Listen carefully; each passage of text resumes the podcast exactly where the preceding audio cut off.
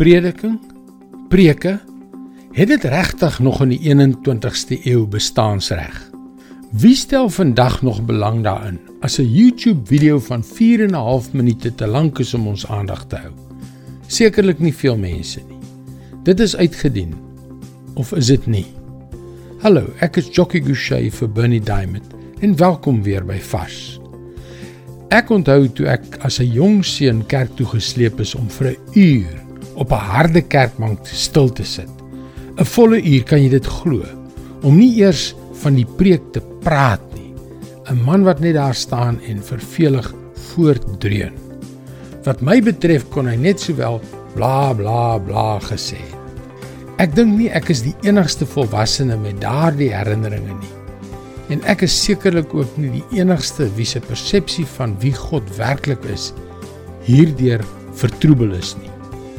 Vroeg in sy openbare bediening het Jesus by 'n sinagoge in Kapernaum ingegaan en die mense begin onderrig. Maar as jy lees, sien jy dat Jesus se toehoorders dit heeltemal anders ervaar het as hoe ek dit in my jonger jare moes verduur. Markus 1 vers 22 Hulle was verwonderd oor sy lering, want hy het hulle geleer soos iemand met gesag en nie soos die skrifkenners nie. Waarom was dit? Waarom was sy leer en prediking so anders as die preke waaraan hulle gewoond was? Omdat Jesus bemagtig was deur die Heilige Gees, het Jesus, die woord van God, slegs gesê wat God wou hê hy moes sê. En daarom was daar 'n egtheid wat niemand kon mis nie. Dit was klokhelder. Indien jy ooit moet preek, sorg dat dit aan hierdie twee vereistes voldoen: dat dit deur die Gees bemagtig word en waar en eg volgens die skrif is. Dis God se woord vars vir jou vandag.